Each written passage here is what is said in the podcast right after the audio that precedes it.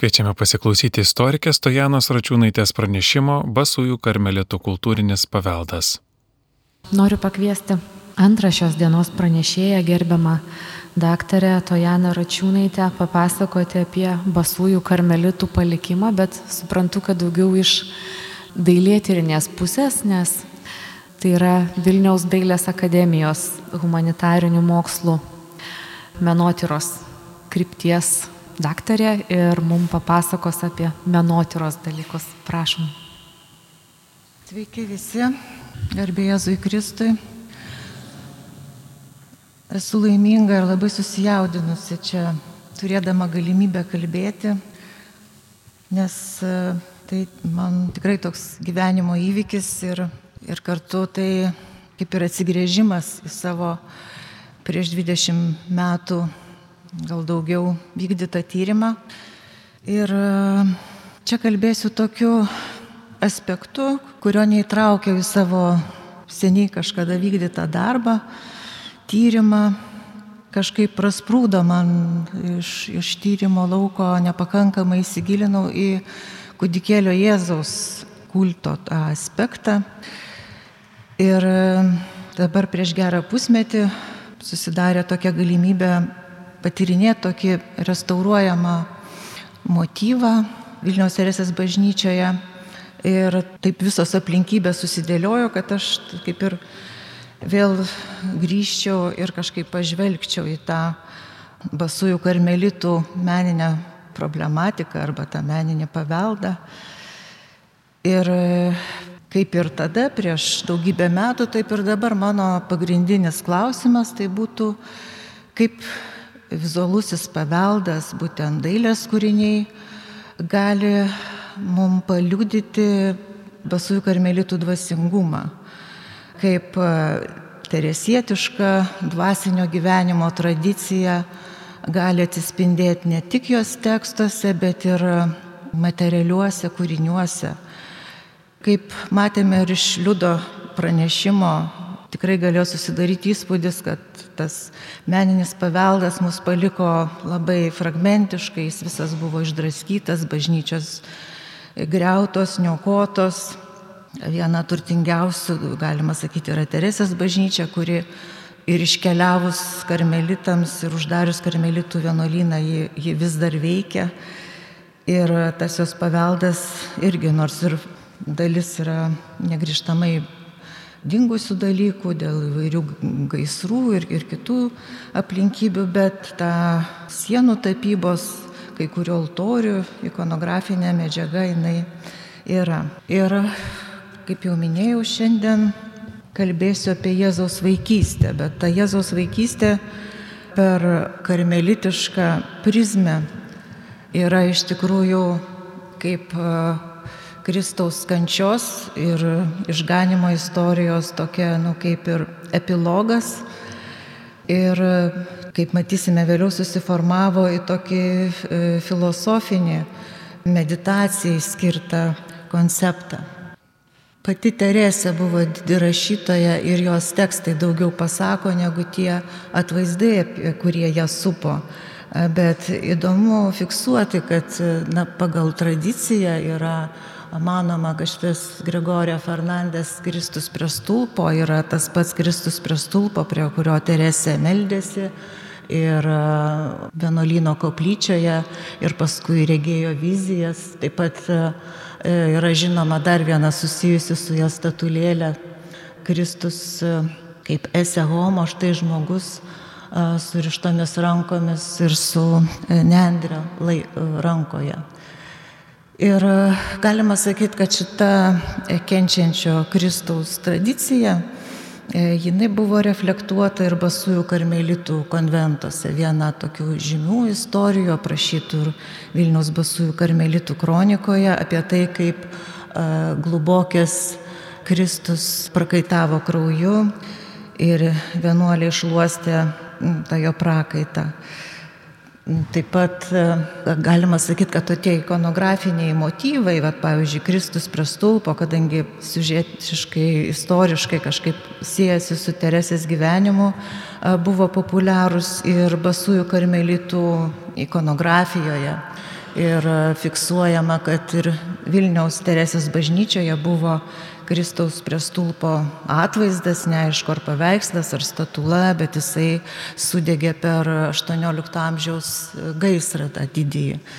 1760 metų. Ir čia matome iš Liublino e, toksai paveikslas šio ikonografinio tipo. Na ir garsus taip pat kaip atvaizdas turi savo tekstą, savo na, garsinimo, tokį žodinį liudijimą, tai yra krucifiksas dabar esantis Teresės bažnyčios posėjų koplyčioje ir dovanotas Liublino karmelitų Vilniečiams su tokiu paaiškinimu, su tokia legenda jo stebuklingumo, kad jisai kabėjęs Liublino karmelitų refektorijoje ir kai vienuoliai valgydami šnekėdavosi, jisai sakydavo tylos broliai lotynų kalba, taip kai kas išgirzdavo. Ir Maksimilijonas Karpovičius, toks, žodžiu, 18, 18 amžiaus basųjų karmelitų pamokslininkas, kai jau po gaisro buvo atstatyta bažnyčia ir šitas krucifiksas dovanotas sudegusiojo paveikslo ar statulos vietoje, buvo papasakota šitą istoriją, kaip ir perdodant jo tokias stebuklingumo garsą.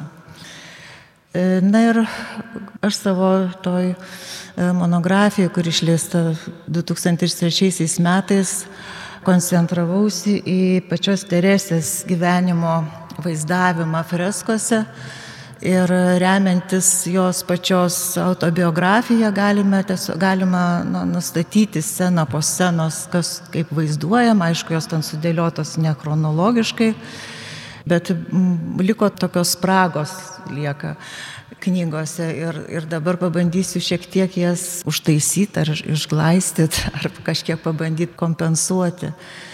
Tai aš neaptariau presbiterijoje buvusių freskų, kurios ikonografiškai visgi išsimuša iš to nuoseklaus Teresės gyvenimo pasakojimo.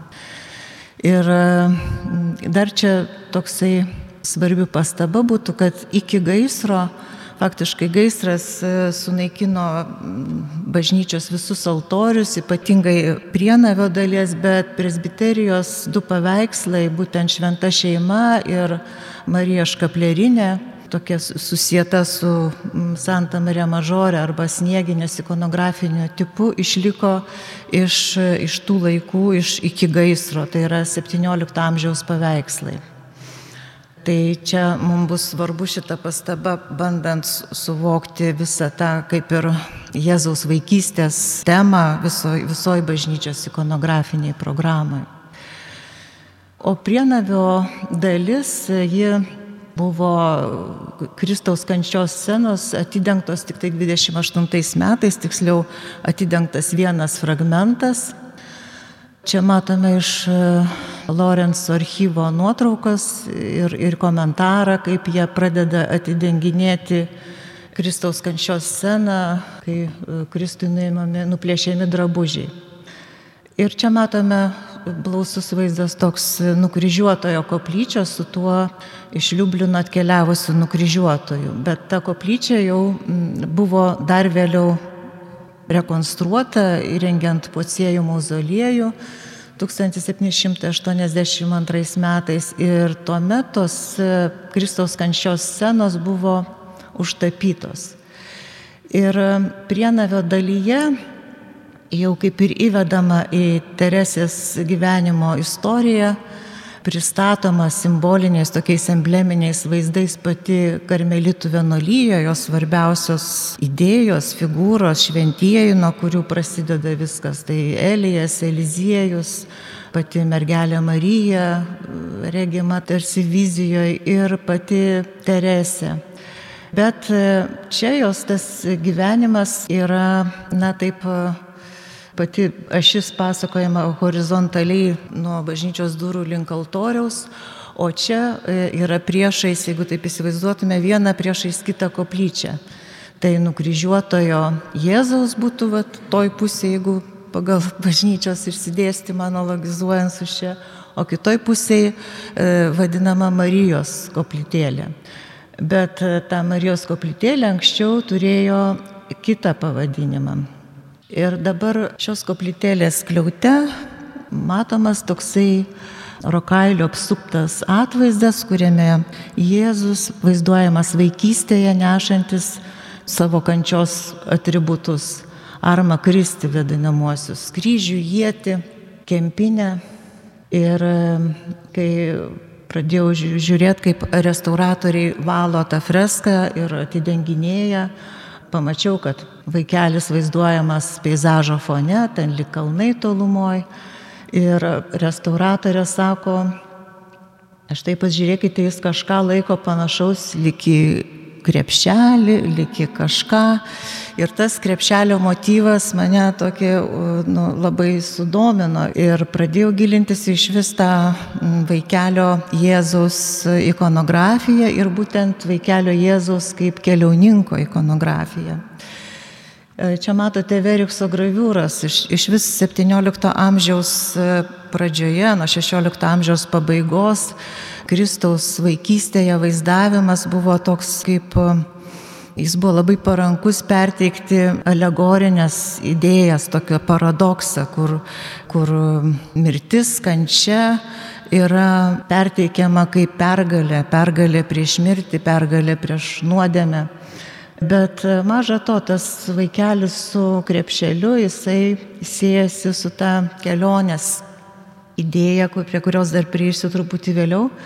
E, paskui paaiškėjo, kad visgi Verikso graviūra nėra visai tiksli, kad tas motyvas tai perimtas, bet pati figūra, jinai siejasi su ir Piterio Hoverato graviūra. Ir čia prie jo išvados, kad reiškia Motiejus Laščianskis Teresės bažnyčios fresko autorius rėmėsi ne tik tai Westerhauto graviūromis, pagal kurias sukurtos visos Teresės gyvenimo scenos, bet ir galbūt ir Roveroto, ir Verikso, žodžiu, visas tos grafika buvo kaip lobis įvairiem vaizdiniam ir juos savotiškai perkeldavo, improvizuodavo, jungdavo įvairias detalės. Bet e, dabar paklaustumėt, o kodėl šitas motyvas e, toks e, karmelitiškas? Ar jis buvo būdingas ir, ir kitoms vienuolyjoms? Žinoma, Jėzaus vaikystė buvo apmastoma ne tik karmelitų, labai ji buvo aktuali ir jezuitams.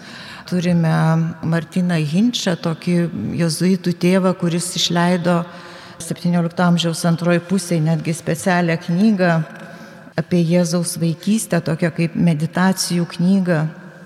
Bet ir patys karmelitai irgi turėjo savo autorių, kurie tą Jėzaus vaikystę irgi akcentavo, populiarino ir mes dar prie to prieisime. Bet štai tas vaikelio su mm, krepšeliu motyvas, jisai siejasi su Atochos tokiu vaikeliu Jėzumi, tai yra e, ganėtinai ankstyvas toks atvaizdas, maždaug 15 pabaigos, 16 pradžios, e, kuris siejamas ir su tuo, kad vaikelis Jėzus yra keliaujantis. Dėl to, kad e, yra pasakojimas toks stebuklas, kad e, ta toha buvo labai neturtingų žmonių vietoviai, kur būdavo daug pabėgėlių, vargšų atsikėlusių iš kitų. Ir pastebėta, kad naktimis tas kūdikėlis Jėzus atsiskirdavęs nuo Marijos, nušokdavęs kažkaip nuo, nuo savo motinos ir jis sutikdavo žmonės su krepšeliu, einantį ir dalinantį, nu tas, žodžiu, rasdavo kažkokių maisto dalykų ar pinigų, žodžiu, jis padėdavo žmonėm naktimis, kai nieks nematė. Tik tai žmonės kalbėdavo, kad va, aš mačiau kažkokį vaikelį, eina kažkur vienas. Ir paskui, o ryte vėl jį rasdavo pas savo motiną, kai buvusi, bet pastebėdavo, kad susitepusios kojytės, urbeliai susiplėšė ir tai liudydavo, kad jis taip keliavęs. Nu, tai va, toks buvo motyvas to keliaujančio kūdikėlio Jėzaus ir, ir jis paskui ilgainiui Ispanijoje prigijo jo vaizdavimas su e, piligrimo atributais bet e, siejama su tuo, kad nu, nuo 16 amžiaus tie kūdikėliai imti ir vaizduoti patys e, savaime tokie atskiri kaip atskiros statulėlės. Ir viena iš tokių garsiausių statulėlių tai jau Prahos kūdikėlis Jėzus. Bet e, karmelitiška tradicija Jau kalbant apie tokį daugiau abstraktesnę, dvasinę plotmę, tai karmelitiškoje tradicijoje svarbi figūra būtent būtų Šventos sakramento Margaritos perigot, e, kuri taip, taip ir ne, netapo šventąją, nors buvo nekarta pradėtas jos kanonizacijos procesas. Tai Bone, tokio Burgundijos, Prancūzijos mieste, jinai tam konvente buvo, labai anksti ją atidavė į vienuolyną, nes mirė motina ir jinai buvo silpnos veikatos, bet e, jie regėjo vizijas ir, ir vienoje iš vizijų karo akivaizdoje, kai jau vienuolės buvo nusprendusios trauktis iš vienuolyno, jai Kristus pasakęs, tarnaudama mano vaikystės paslaptims, nugalėsi visus sunkumus. Ir tuomet, ten, žodžiu, sudėtingas jos tas visas dvasinis gyvenimas, čia neperteiksiu, bet jis sukūrė tokį mažąjį rožinį arba mažąją karūnėlę, e, kur apmastomos tik tai Kristaus e, vaikystės paslaptis iki 12 metų. Ir tas, e, tas rožinis buvo labai populiarus, jis veikė ir buvo įkurta Kristaus šeimos tokia bendruomenė. Ir, ir jos tos maldos kažkaip buvo išklausomos ir garsas apie ją pasklydo iki pat karališkos šeimos. Ir kai karalienė Ona Austrietė berots negalėjo niekaip pastoti, mažoji Margarita pasakė, nu, kai atėjo jų vienuolyną ir paprašė, kad pasimelstų, sako, tai jau karalienė turėsinti sūnų, jinai dar net pati nežinojo, kad jinai laukėsi. Na ir ta Margarita, kadangi ir pati buvo labai mažo ūgio, vos metro dvidešimtiesi, buvo vadinama mažoji. Ir tas jos ryšys su, su mažuoju Kristumi, e, kuris yra labai galingas, buvo toks, na, pasidarė tokiu kaip ir irgi karmelitiško dvasingumo aspektu, galbūt e, netokiu labai populiariu, bet, e, bet ganėtinai reikšmingu.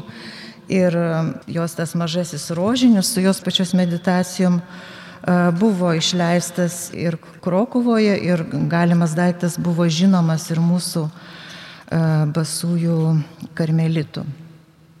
Na ir jos konventui buvo irgi padovanotas toksai vat, Jėzusėlio tokias skulptūrėlė vieno Normandijos didiko ir jį iki šiol ten yra garsi stebuklais ir yra toks kaip karmelitiškas pamaldumo centras. Bet ir patys basėjai karmelitai nuo pat Teresės ir kryžiaus Jono laikų irgi turėjo ryšį su tom tokiom Kristaus statulėlėm, kurios panašėja į tokias lėlytes, sakysim, jos tarsi, jos tarsi gyvos ir aprengtos tikrais drabužiais, tie drabužėliai keičiami anot legendos ir, ir dabar Ubedos vienuolinė išlikęs Jėzus toksai, anot legendos kryžiaus Jonas per vienas kalėdas pačiupęs tą lelytę ir su ją šokęs mistiniai ekstazijai.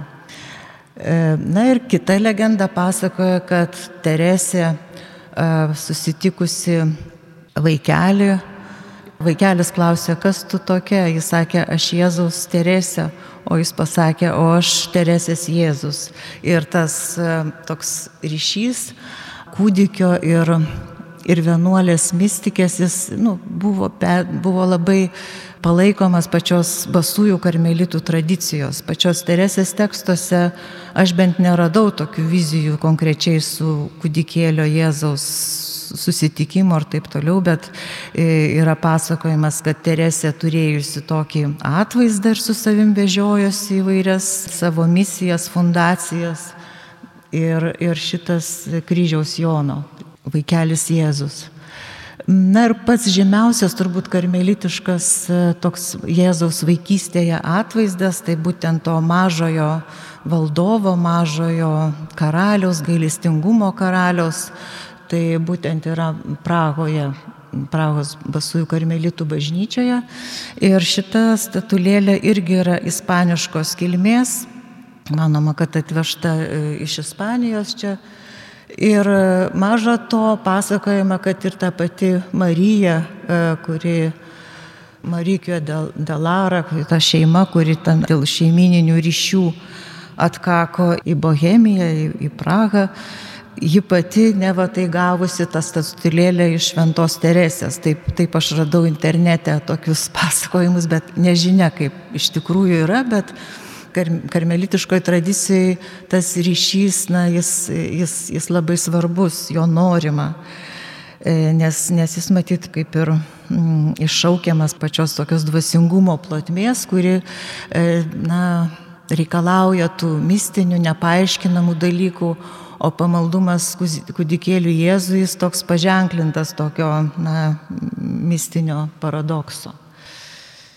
Ir dabar pereinant prie Teresės bažnyčios, Čia Vilniaus Basųjų karmelitų kronikoje ganėtinai išsamei aprašomas tas e, po gaisro įvykęs remontas ir, ir sienų tapyba. Ir akcentuojama, kad e, koplyčia, Jėzaus koplyčia buvo dekoruota Kristaus kančios arba Kristaus pasijų vaizdais.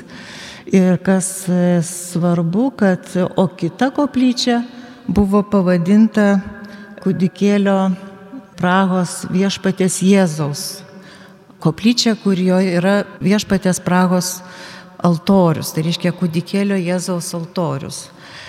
Ta bažnyčia, ta koplyčia e, jau XIX amžiaus vizitacijos aktuose įvardyjama kaip Dievo apvaizdos ir pati jos tas stiuko dekoras, matosi, kad jisai taikytas būtent šitam titului nes viršutinėje dalyje matosi apvaizdos akis ir tų tokių titulinių Jėzaus apvaizdos altorių ir, ir švis, nu, tai buvo tuo metu nedaug, tik tai žinome Kotrinos, Šventos Kotrinos Benediktinų bažnyčioje.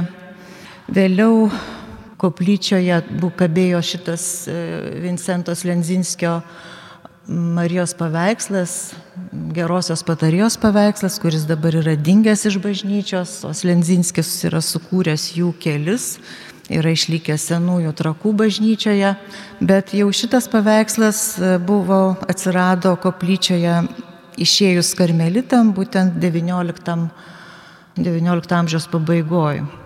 Šioje nuotraukoje, kurią aš radau paminklų konservavimo archyve, ma, matyti, va čia gal kodikėlio Jėzaus statulėlę po stiklinių gaubtų, bet e, įdomiausia istorija aš perskaičiau Zahorskio aprašymę, e, kuris rašo, kad statulėlė buvusi labai garsi ir jinai buvo tokia e, net su judamom rankom ir akim, bet paskui išėjus karmelitams ji buvo apleista, kažkur padėta. E, buvo nuimta nuo altoriaus, laikyta sandėlyje, kur net buvo apgadinta. Ir kunigas Franskevičius liepė ją sutaisyti ir nusiųsti Krokovos karmelytėms, pildant nuo širdų jų prašymą. O atsidėkodamas karmelytės atsiuntė kitą panašią statulėlę, tačiau nejudama. Tai čia yra būtent toji kitoji statulėlė, nejudama po stiklinių gaubtų ir iki šiol Teresės bažnyčioje yra išlikęs tas stiklinis gaubtas. Ir šitoji statulėlė taip pat yra Prahos viešpatės Jėzaus valdovo kartotė, bet dabar čia ir prasidėjo ta tokia detektyvinė istorija, ėmiau galvoti, o kaip visgi tas Vilnietiškasis kūdikėlis Jėzus, ar jis galėjo išlikti. Ir Krokuvoje yra du pasųjų karmeličių vienuolynai. Tai Krokovos vienuolynas Vesioloje vadinamojoje, tai senesnis Koperniko gatvėje ir maždaug XIX amžiaus pabaigoje įsikūręs e, Švento Juozapo globos vienuolynas, jisai labai nukentėjo per karą. Ir kai parašiau laišką į abu tuos vienuolynus, tai e, Vesiolos karmelitės mums atsakė, kad mes turime statulėlę, bet jinai atvežta iš pačios Pragos ir atsiuntė nuotrauką, kurioje ta statulėlė tokia yra ne su tekstilės drabužiais, bet tą jos suknelę imituoja tiesiog, na, skulptūrą. Jis skulptūrinė, reiškia visai kitokio tipo. E, bet jos parašė, bet gal kitos karmelitės, e, gal jos turi tą pačią, nes jos tai labai gerbė ją. Bet kitos karmelitės mane atsakė į tą mano laišką, Tai kai buvau čia Krokuvai neseniai, pažiūrėjau, kada ten mišios, tai nuėjau anksti ryte ir iš tikrųjų yra Prahos kūdikėlio Jėzaus kartotė. Tik aišku, nežinia, aš negalėjau patikrinti, ar tos sakytės mirksi, ar tos rankytės kilnojasi, gal tai dar viena kopija, bet kad būtent šitos karmelitės, ko gero, išsivežė tą vilnietiškai apleistą E, mažai gailestingumo valdovą ir sukūrė savo, savo tokį ryšį, tai akivaizdu. Galbūt net aš, aš taip ir tikiu, nors ne, neturiu tokių svarių įrodymų, kad čia galbūt tas vilnietiškasis kudikėlis Jėzus ir yra. Bet dabar grįžtant prie tos ikonografinės programos, prie to koncepto, matome dvi buvo dvi vienas priešais kitos koplyčios, viena nukryžiuotoja, kita Dievo pavaizdos arba Marijos, kuri e, savo altorijoje turėjo Prahos kudikėlį Jėzų. Ir e, matyti, kaip viskas visgi organiškai ta mintis gimusi kažkurio karmelito galvoje išsipildė ir jis sukūrė tokią atsvarą, tokią kitą ikonografinę ašį, horizontalę Tai būtent e, nukryžiuotojo Jėzaus ir, ir Jėzaus vaikystėje. Ir pasijų ciklas, freskos buvo organiškai susijusios su, ir, su to, ir su skulptūriniais atvaizdais. Išliko tik tai viena tokia dviguba scena, bet e, baigiant jau savo šitą pranešimą, e, norėčiau padėkoti ir savo kolegai Laimai Šinkūnaitai kai perskaičiau jo straipsnį apie šitos bažnyčios pasijų ciklą ir ryšį su pagrindiniu altorium, Laima Šinkūnaitė įrodė, kad šitas pasijų ciklas įtraukia centrinę nukryžiuotojo figūrą į, į tą vientisą naratyvą, į tą kryžiaus kelio pasakojimą. Nes čia matome nuplėšiami drabužiai Kristaus nukryžiavimas, paskui guldymas į karstą. Ir tas pats e, principas matyti buvo turbūt ir, ir Vilniuje. Tos dabar žinome tik vieną fragmentą, bet jeigu taip susidėliojame visą tas, tas galim, gal, galimas scenas, e, matyti, kad net ir Marija ir Šventas Jonas, jie įkomponuoti taip, tarsi žvelgiantis į nukryžiuotąjį Jėzų Čia Marijos figūra, čia Jėzaus ir čia tos scenos. Ir, ir aišku, čia buvo na, išgriauta, jau sukuriant e, pociejų koplyčios kitą dekorą skulptūrinę ir be bejonės e, šitoje vietoje irgi turėjo būti kažkokia embleminė scena, galbūt tas skulptūrinis stiuko dekoras, kuris, kuriame irgi labai išraiškingai perteikiami Kristaus kančios įrankiai, tie Arma Christi galėjo kažkaip sėtis ir su ta kitoje pusėje esančia embleminė scena. E, na ir čia aš lyginu tas apvaizdos koplyčias. E, Vilniaus Kotrinos bažnyčioje jinai ankstyvesnė, bet e, čia irgi tos figūros skulptūrinės jos padeda mm, atbaigę dalyvauja tame pagrindinio altoriaus atvaizdo, galima sakyti, refleksijoje. Jos vaizduoja, kaip mato, vaizduoja, kaip išgyvena šiuo atveju Kristaus kančia. Teresės bažnyčios atveju tos skulptūros, jos greičiausiai 20-am amžiui perdarytos, jos nėra taip visiškai autentiškos ir patikimos, bet e, greičiausiai sekta kažko tokio ir, ir koks atvaizdas buvo, greičiausiai irgi buvo kanščios scenos vaizdas, e, arba Kristus prie stulpo, arba dar kažkas, na galbūt ir, nes šalti, šaltiniai nieko neprašo, rašo, kad tik tai, kad buvusi statulėlė, bet statulėlė galėjo būti ir greta atvaizdo, arba buvo tik statulėlė. Tai Tai čia tokios prielaidos. Na ir apibendrintai, kad tie, tie du Jėzaus amžiaus laiko perskirti atvaizdai bažnyčios erdvėje tampa kaip vienos idėjos segmentai, vieno koncepto dalis ir jie vienas kitą atbaigia.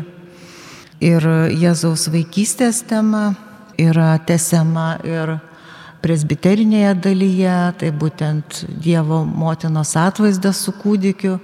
Ir šitas nuostabus šventos šeimos paveikslas, turbūt vienas seniausių Lietuvoje, 17 amžiaus, labai prastai išlikęs.